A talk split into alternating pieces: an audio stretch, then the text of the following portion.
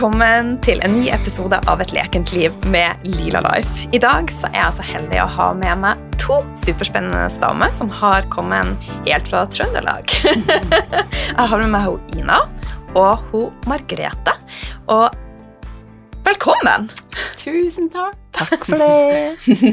Fortell oss litt om dere sjøl. Vi har lyst til å bli kjent med dere. Mm. Ja, jeg heter Ina. Uh, jeg hva, hva, skal jeg si om meg sjøl, da? Jeg tror jeg er en uh, ganske snill person. Nysgjerrig. Konstant uh, på søken etter å lære nye ting. Um, og så har jeg da bakgrunn som fysioterapeut, hvis jeg skal si litt sånn utdanningsmessig, og har en master i nevrologi. Og så er jeg mamma til to jenter, og det er jo en læring i seg sjøl. Det er Aha. kanskje der jeg har lært mest om meg sjøl. De er jo Ja. Og så er jeg bestevenn, vil jeg si, med, og kollega med Margrethe, som jeg har med meg her i dag. Mm. ja, det er meg, da. som er så heldig å få være med på den reisa sammen med Ina. Mm. Vi har jo kjent hverandre siden vi var 16, og um, endte opp litt Jeg har vært dratt med litt til Danmark og endte opp begge to med å studere der, så der mm. studerte jeg til å bli lege. Og um, skjønte etter hvert at uh, den her helt standardveien som ble uh, forespeila, det passa ikke helt til meg. Så sammen med at jeg fikk litt sånn spark bak, da, med at Ina òg hadde så behov for å utforske mer og forstå mer sammenhenger og hva ligger under alt det her uh, på dem på de menneskene vi møtte på, på veien, da. Mm. Når vi jobba på sykehus, og jeg jobba som allmennlege og sånn, så Jo, for det har du gjort? Altså, ja. ja. ja jobba som allmennlege og jobba i BUP, og prøvde virkelig å gå den der veien, men kropp, både kropp og alt uh, Jeg kjente at det ikke kunne skje for meg å fortsette med det resten av livet, så da endte vi med å hoppe litt, ja. Hoppe mm. litt og ta en sjanse, og um, virkelig følge det som kjentes rett. Fikk noen sånne eh, Ja, litt sånn tegn på veien.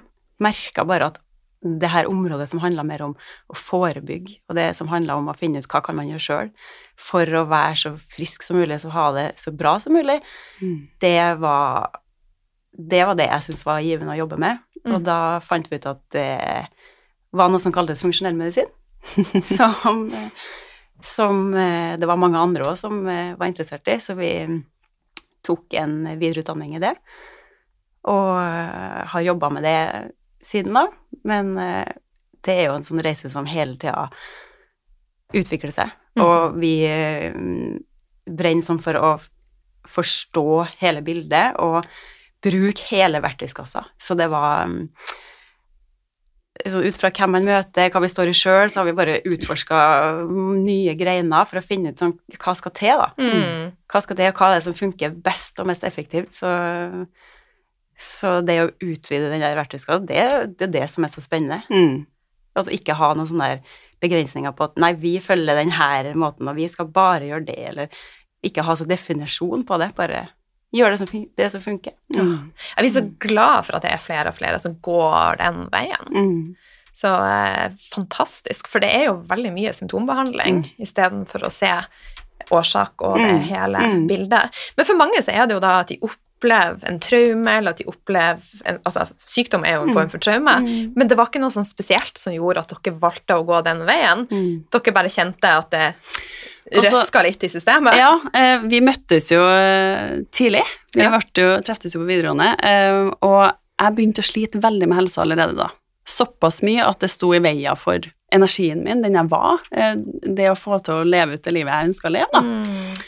Så det starta for meg egentlig litt på en helsereise allerede da. Jeg fikk ikke helt sånn tak i hva det handla om, var bare sjuk hele tida og dårlig immunforsvar, ble utreda i hytt og vær på alle bauger og kanter. Um, men det var jo på en måte summen som var mm. resultatet, da. Ja. Altså at jeg var på en måte Helsa mi var bare et resultat av den summen av det livet jeg hadde levd, og alt jeg har vært utsatt for. Eh, så da begynte jeg å grave i å forstå at det med mat, da Så jeg var jo en litt rar 16-åring. Slutta å drikke brus, eh, boikotta Mækkern, og da møtte jo Margrethe meg, så jeg var jo hun som var liksom freaka og var veldig tidlig opptatt av det med mat, da. Ja.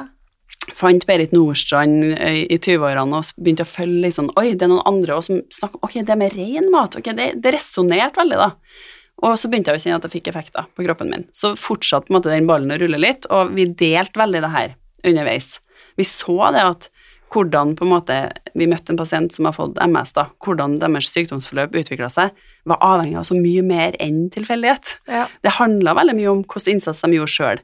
Hvordan forhold hadde de til hvile, eh, mat, Mm. relasjoner, stress. Eh, og jeg har jobba veldig mye med kronisk nevrologisk syke eh, av min master, og ekstremt mye der så jeg det jo, at alle fikk så mye forverring i symptomene, annet ved stress, da.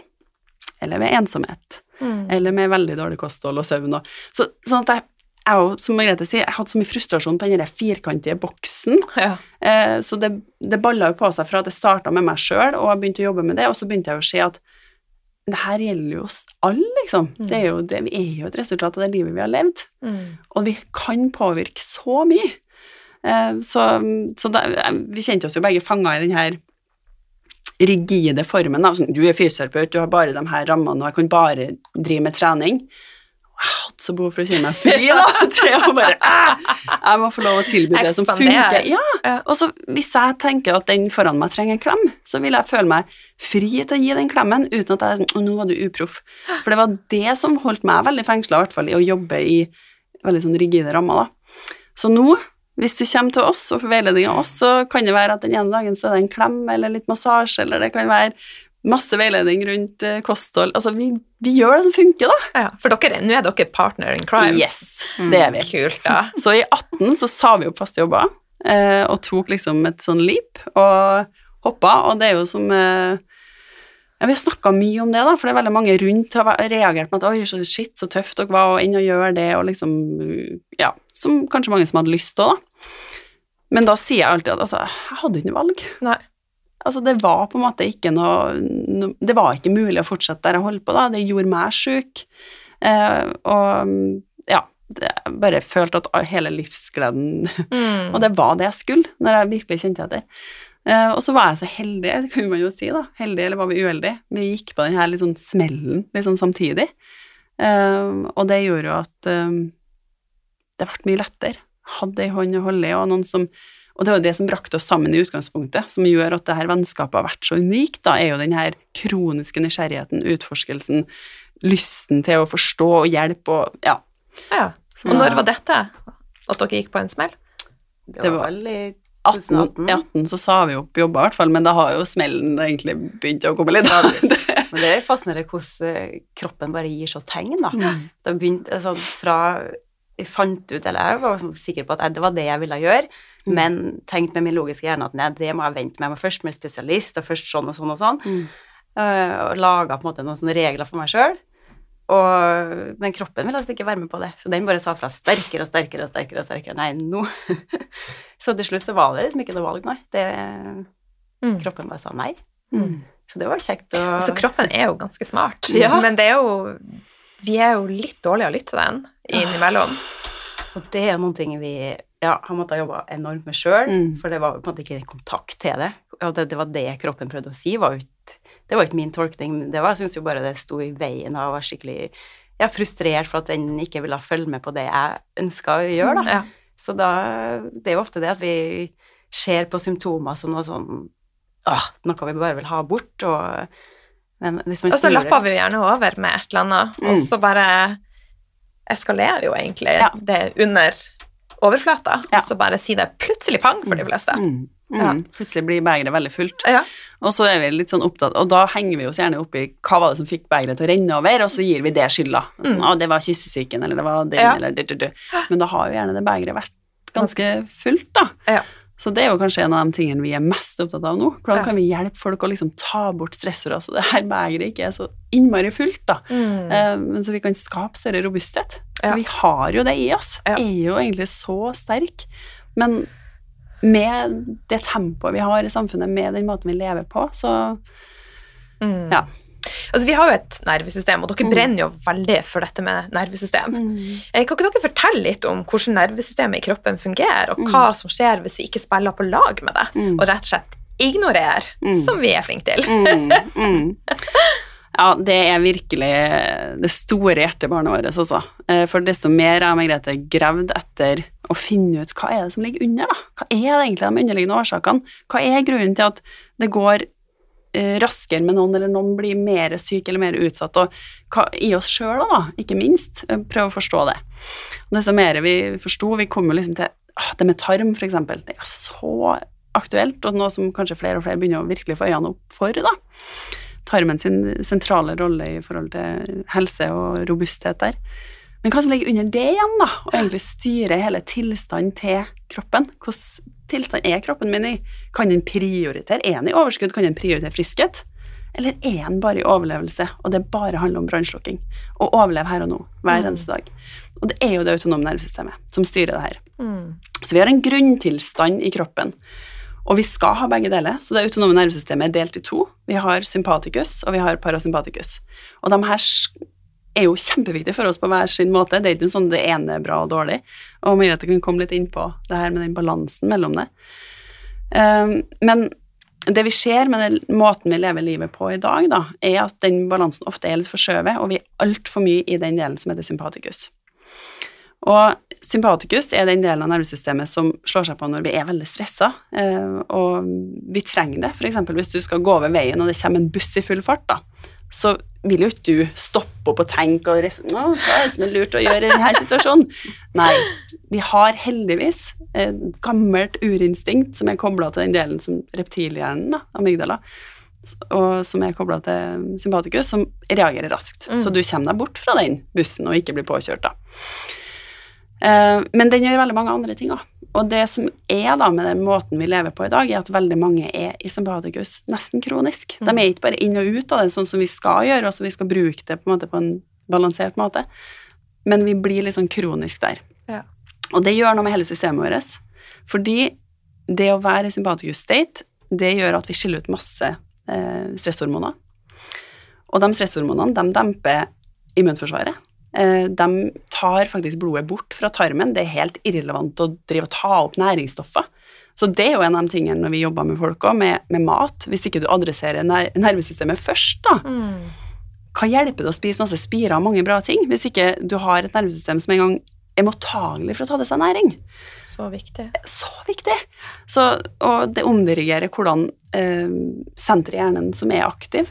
Så du, ofte så er du Opplever du verden mye mer som en sånn skummelt sted. Andre mennesker er kanskje mer truende, for du er på en måte i en så stressa state. da. Veldig mange har jo symptomer på angst, og ja. Så det kan gå over til litt sånne typer symptomer òg. Og så har vi det motsatte, da. Um, parasympaticus, som er den delen av nervesystemet som, som aktivere og eh, modellere immunforsvaret på en bra måte, eh, som gjør at vi kan prioritere å ta til oss eh, næring, som kalles rest and digest, men også som er den delen av nervesystemet som er aktiv når vi skal lære ting. Mm. Vi må være i den staten for å ta til oss ny læring. Se for deg at du springer over denne veien, bussen kommer i full fart, og så roper sjefen din noen ting. Mm. Altså, hjernen kan ikke prioritere å ta til seg den kunnskapen hvis, er, hvis hele organismen er i fare for å dø. Ja. For det er dessverre den uh, opplevelsen kroppen din har, da. Mm. Jeg må bare overleve. Mm. Skit i om jeg får kreft om ti år. Det kan ikke jeg prioritere å fikse og reparere. Jeg må overleve her og nå. Mm. Det er førsteprien når du er i sympatikus. Når du er i parasympatikus, som vi Jeg liker å si at jeg og Margrethe driver med læringsorientert coaching. Vi er opptatt av at folk må være i en state der de faktisk kan ta til seg læring. Mm. Det hjelper jo ikke å komme med masse råd og tips hvis ikke du har en hjerne som er mottagelig for å lære. Nei. Og det trenger vi, da. Da trenger vi å være der. Så det er det første vi alltid starter med, det med nervesystemet. Så egentlig så burde vi ha sagt før dere skal høre denne episoden, sett dere ned og ta tre dype inn- og utpust. oh, skap ei ramme rundt deg sjøl som gjør at du er mottagelig for å ta til deg det her. Ja, det er så sant, altså. Og det er jo kanskje det vi driver mest med, både når vi coacher og veileder folk, eh, men også i eget liv. Ja. Jo, så, så, er det den her balansen da, som er mm. så, så, viktig mellom dem her, for det er lett å tenke sånn Å ja, men da betyr det at de bare være i parasympatikus. Men så enkelt er det jo ikke. Vi trenger jo sympatikus eh, for å utvikle oss. Mm. Det er jo, hvis du tenker sånn eh, Trening, da, er jo et stress for kroppen, særlig hvis man trener hardt. Um, og, men det er i den balansen, hvis man har balansen mellom tren og så restituere, det er der du får utviklinga. Så ved å bare ligge hele dagen, altså gjøre bare sympatikus eh, eh, aktiverende ting, da Parasympatikus ja, ja, så, så, får du heller ikke den utviklinga. Det er jo på en måte å komme litt ut av komfortsonen, sånn som å være med her. Mm. Kjenne at det er sånn Ja, det Ja, man får litt aktivering av det, men, men hvis man samtidig etterpå får liksom, kobla på hvile og ro, så, så fører det Happy food, så tar ja. jeg vaffel ja. Så det er balanse. Så blir det liksom balanse. Det er sånn vi kommer oss framover. Vi trenger virkelig begge, men når vi, så mange av oss har i kanskje årevis vært i en sympatikusdominans, så Og øh, kanskje ikke har de her naturlige vanene for å faktisk øh, slå på parasympatikus. For, for det er jo veldig vi liker å være effektive og holde på og få gjort masse ting, og det er det som ofte blir liksom fremelska, det tempoet der. Og så er det litt sånn latskap og hvil, og nei, det kan man gjøre i grava. Og så man hører liksom det, det man er opplært med. Så, så, mye av det vi jobber med, er jo at vi faktisk må eh, lage vaner som er med å justere balansen tilbake. Så du har, så du har bare som en helt vanlig dag, del av dagen din eh, flere sånne mm, pitstops der man er med å regulere ned eh, til å komme i den parasympatiske staten, så du faktisk ah, kan utvikle deg og, og, Ja, at kroppen kan holde seg frisk òg. Mm, for det er jo mm. veldig sånn Det er jo kjempebelastende for kroppen å være så mye i den her eh, sympatikus-staten. Ja. Men har man vært i den veldig lenge, da, og, og, har kanskje masse symptomer på det, typisk sånn stive skuldre, for blodet har jo på en måte vært veldig mye i armer og bein, og man kan kjenne på konsentrasjon, på hukommelse, man kan kjenne på Fordøyelse. Ja, og den kontakten til andre mennesker, bare sånn uro, rastløshet, eh, smerter, tarm som ikke fungerer, magen er ofte enten liksom helt forstoppa eller veldig vekslende og løs, da. Så, så er det jo kanskje behov for en lang hvileperiode. Mm. Og da er det kanskje, hvis man begynner å lytte til hva egentlig kroppen trenger, så er det ofte hvile, hvile, hvile. Meditasjoner. Gjør de her ja. Eh, det er så viktig, og det som jeg ser er en sånn gjenganger, er jo at de fleste tar tak i maten. Mm. De tar tak i treninga, og så kanskje de får kortvarige resultater, mm. men de går jo tilbake igjen som de fleste. Mm. Så det er jo en innvendig jobb. Mm. Enormt, altså. Og der mm. sier du noe viktig, fordi det var jo jeg tenker jo at det vi drev med, er liksom å skrelle den løken, da. Mm. Eh, og mitt system var såpass Fordi det er ikke bare eh, stress i den forstanden som setter, setter oss i en sympatikus state. Men maten som vi spiser, som du sier, påvirker også hvordan tilstand nervesystemet er i. Masse mat som er med å øke betegnelse, som gir mer sympatikusaktivering. Mm. Eh, spiser du masse sukker, så blir kroppen mer stressa. Eh, så, sånn at det her òg påvirker biokjemien vår. Så, ja. Sånn at jeg hadde nødt til å rydde opp i noen av de tingene. Fordi det var rett og slett ikke i kontakt da, med læring, altså med fornuft, med liksom tankene mine i det hele tatt. Alt gikk bare ubevisst, og jeg hadde ikke kontakt med det. Så, så no, for noen så er det nødvendig å begynne å skrelle. Sånn som det med mat for meg betydde veldig mye og ga mye stress på mitt system. Mm. Så det å ta bort noen av de tingene som virkelig var med å dreiv stress, da, sånn som gluten for eksempel, og sukker, var sånn to store, kjempeviktige ting for meg. Få bort det så kunne jeg få litt mer kontakt med hva ja. er det som ligger under og driver. Ja. Og blant annet, da, det er jo en ting som vi snakka om innledningsvis, så for meg så handla det jo mye om at jeg har levd så enormt grenseløst. Så det var jo en av de tingene som jeg hadde nødt til å jobbe med når jeg begynte å få litt ro. Jeg kunne ikke fortsette å leve livet på den måten jeg holdt med, Nei. og bare liksom tenke at hvis jeg bare gir og gir og gir og gir, og bare sier ja, så vil jo folk sikkert like meg. Altså at jeg hadde den måten å leve på var jo også veldig skadelig. Mm. Så, så, ja, absolutt. Det, og det tror jeg jo handler om også at man kanskje ikke er helt bevisst på at det er en veldig mye større reise, og at det er så mange ting som spiller inn, da. Mm. Det er helhet. Det var en, eh, en, vekker for meg, var jo ja. å, å, forstå hvordan det som foregår i hodet, altså tankene som bare kjører ubevisst, hvordan det faktisk òg er med å påvirke nervesystemet.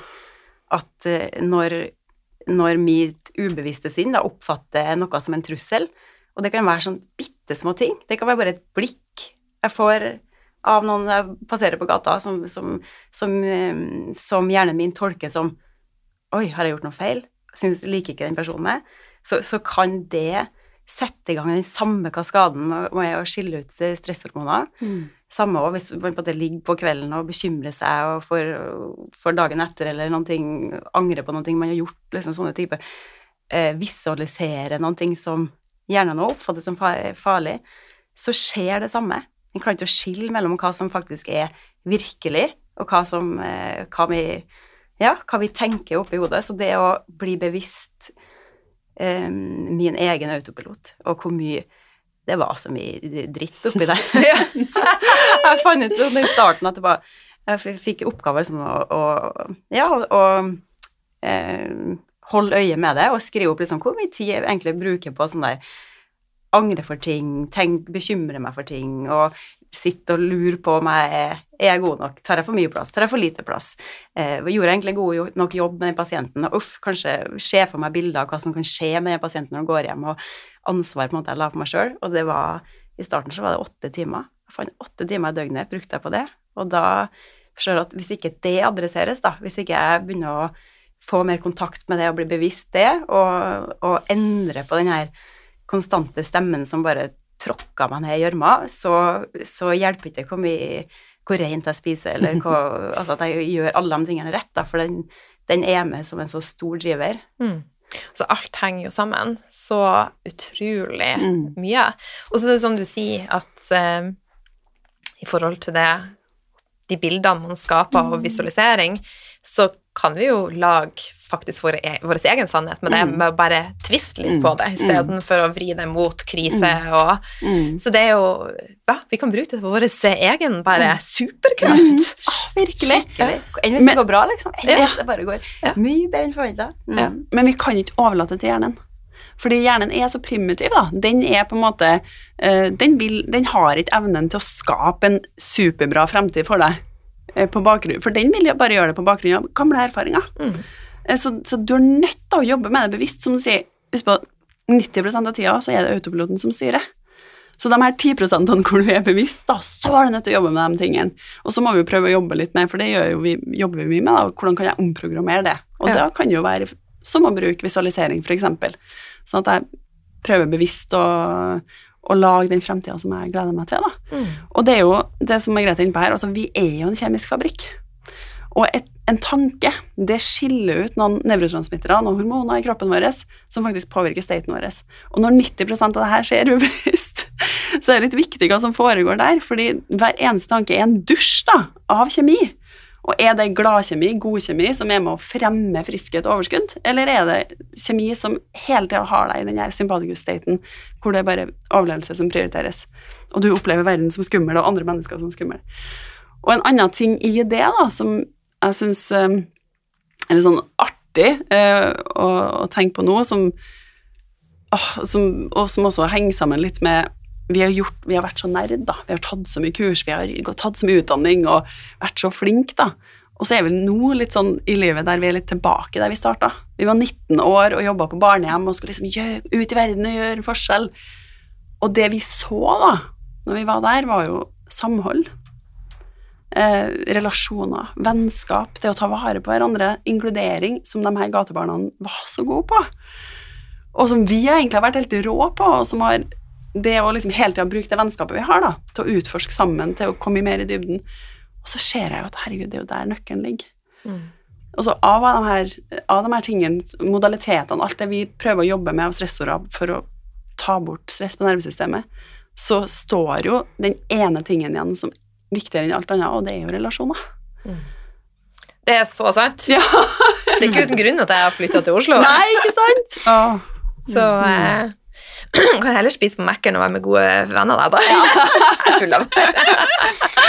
ja, men det er veldig beskyttende. Det er den mest beskyttende faktoren man har. Det er jo mm. vist i svære studier, altså den mm. lengst pågående studien, 70 år, eller sånn Harvard-studie, som har vist det, at det er relasjoner som mm. har mest å si, både for um, hvordan man har det, hvor lykkelig man er, men òg hvor lenge man lever, hvor sjuk man, mm. man blir. Så det, det, er så mye kraft i det. Og det er noe som Det å kjenne seg ensom eller kjenne seg alene er, det kan være helt ubevisst.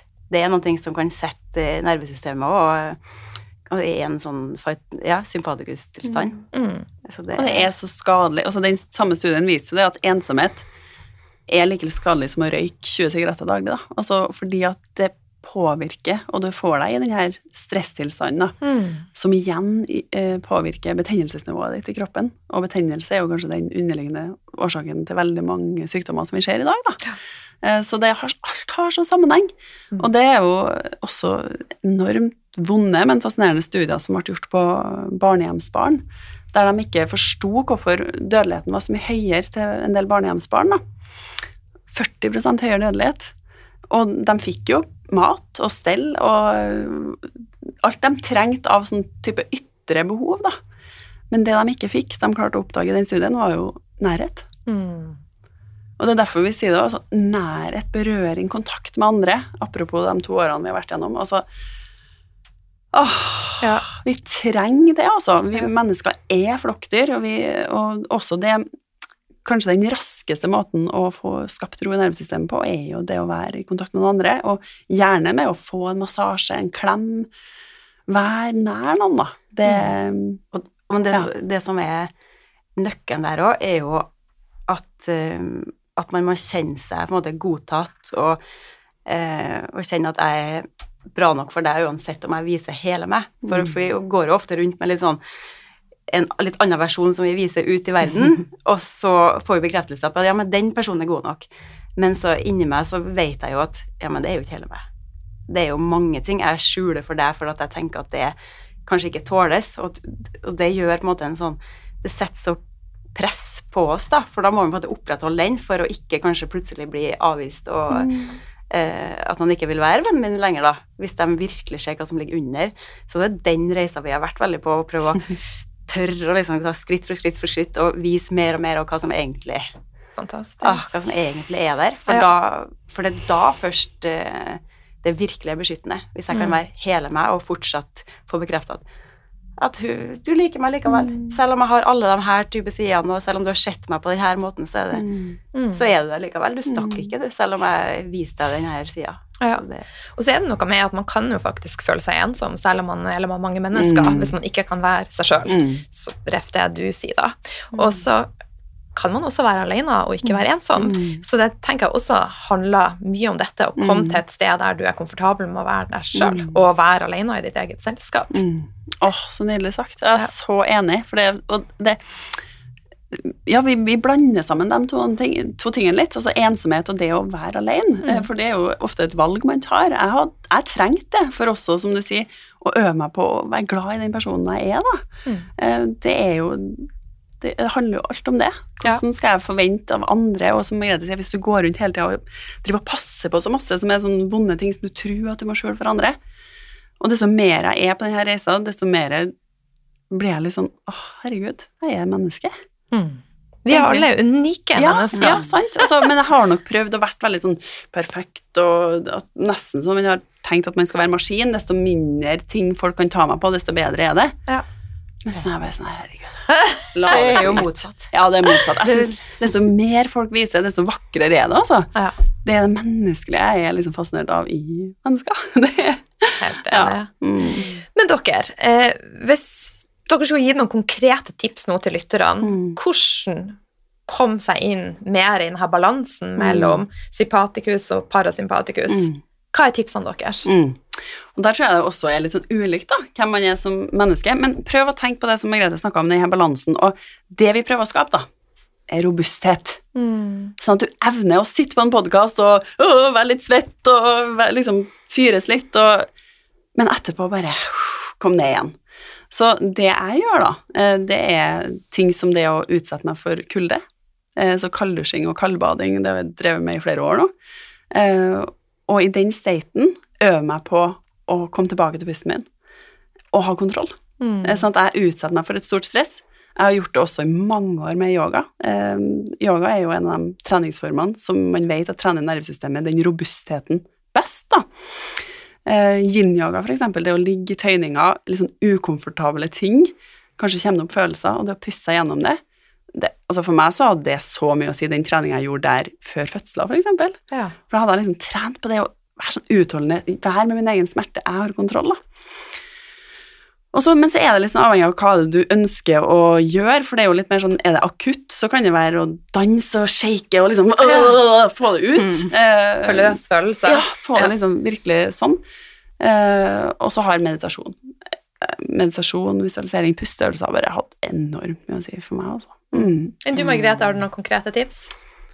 Jeg syns det å mm, for det første bli bevisst det, at alt vi gjør, påvirker nervesystemet. Og bare med det, den forståelsen, og, og forstå litt eh, eh, Forske litt i det. Når jeg, når jeg etter jeg spiser den kveldsmaten, hvordan, hvordan er kroppen min etterpå? Hvordan endrer, endrer seg hvis jeg tar den treningsøkta?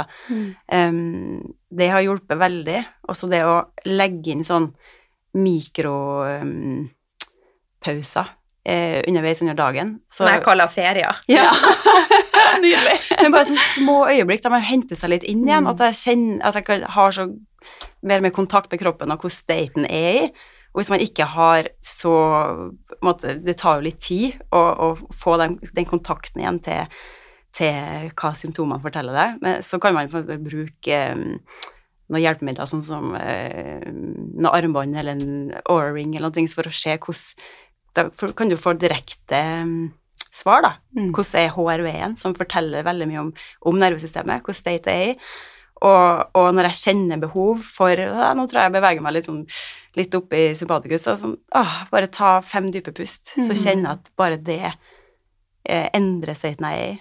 Mm. Legge inn sånne ting sånn som nå når jeg eh, har en baby da, og ikke kan både følge mine helt vanlige rutiner og måtte, måtte om, eh, omorganisere hele greia, så, så finner du sånn, ja, men hva har jeg nå? Ja, men jeg, ammer jo. Så da, det er jo en sånn fin sånn clue på at da gjør jeg hver gang, så prøver jeg bare å koble på bevissthet og kjenne liksom at jeg er i kroppen og bare eh, får det som en liten reset, og kjenne at eh, nervesystemet flytter seg over i den Mm. staten. Så det Mm.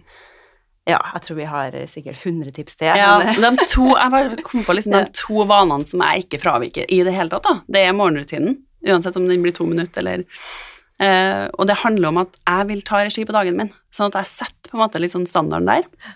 Og det andre er at jeg hviler hver ettermiddag. Og det, altså, det er konsekvent uansett om jeg kjenner om jeg trenger det eller ikke. Ja, så må jeg det. Ja, Mm. så bra.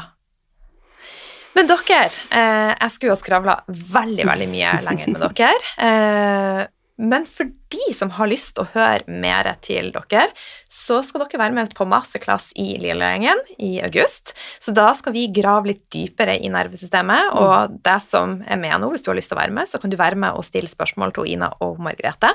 Så jeg legger med mer informasjon til episoden, sånn at dere kan melde dere på det.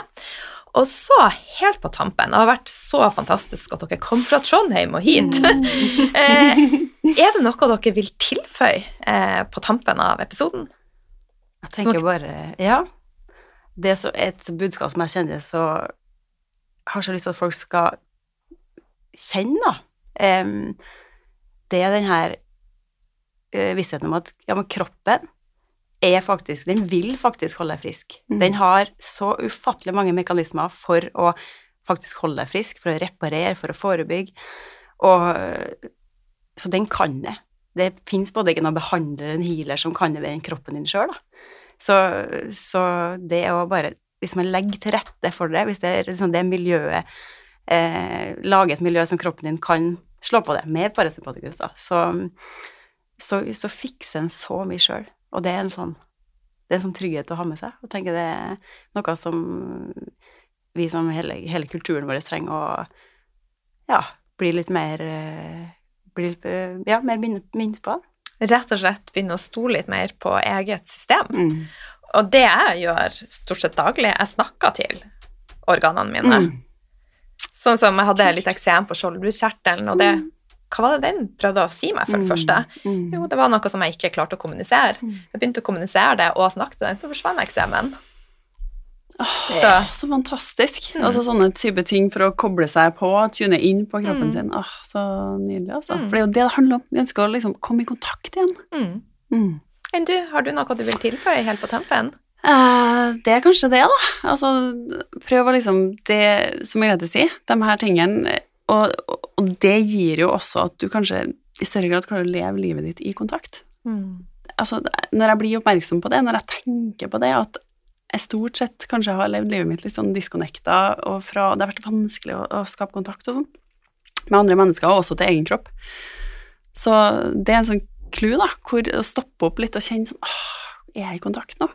Eh, det er jo bare da vi kan oppleve det her livet. Så mm. Stress eksisterer ikke her og nå. Fortid, fremtid. Så det mm. handler om å yes, være her og nå. Mm. Hvor kan lytterne eh, treffe dere? Eh, vi er nok mest aktive på Instagram under navnet Funk med livet. Funk med livet, eller ja. Og så kan vi legge med e-posten vår, som vi kan ja. nå oss på. Mm.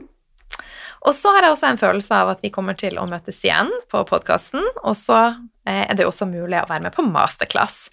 Tusen hjertelig takk, Ina og Margrethe, for at dere eh, ville være med. Tusen takk for oss. Ja, tusen takk for at vi fikk være med.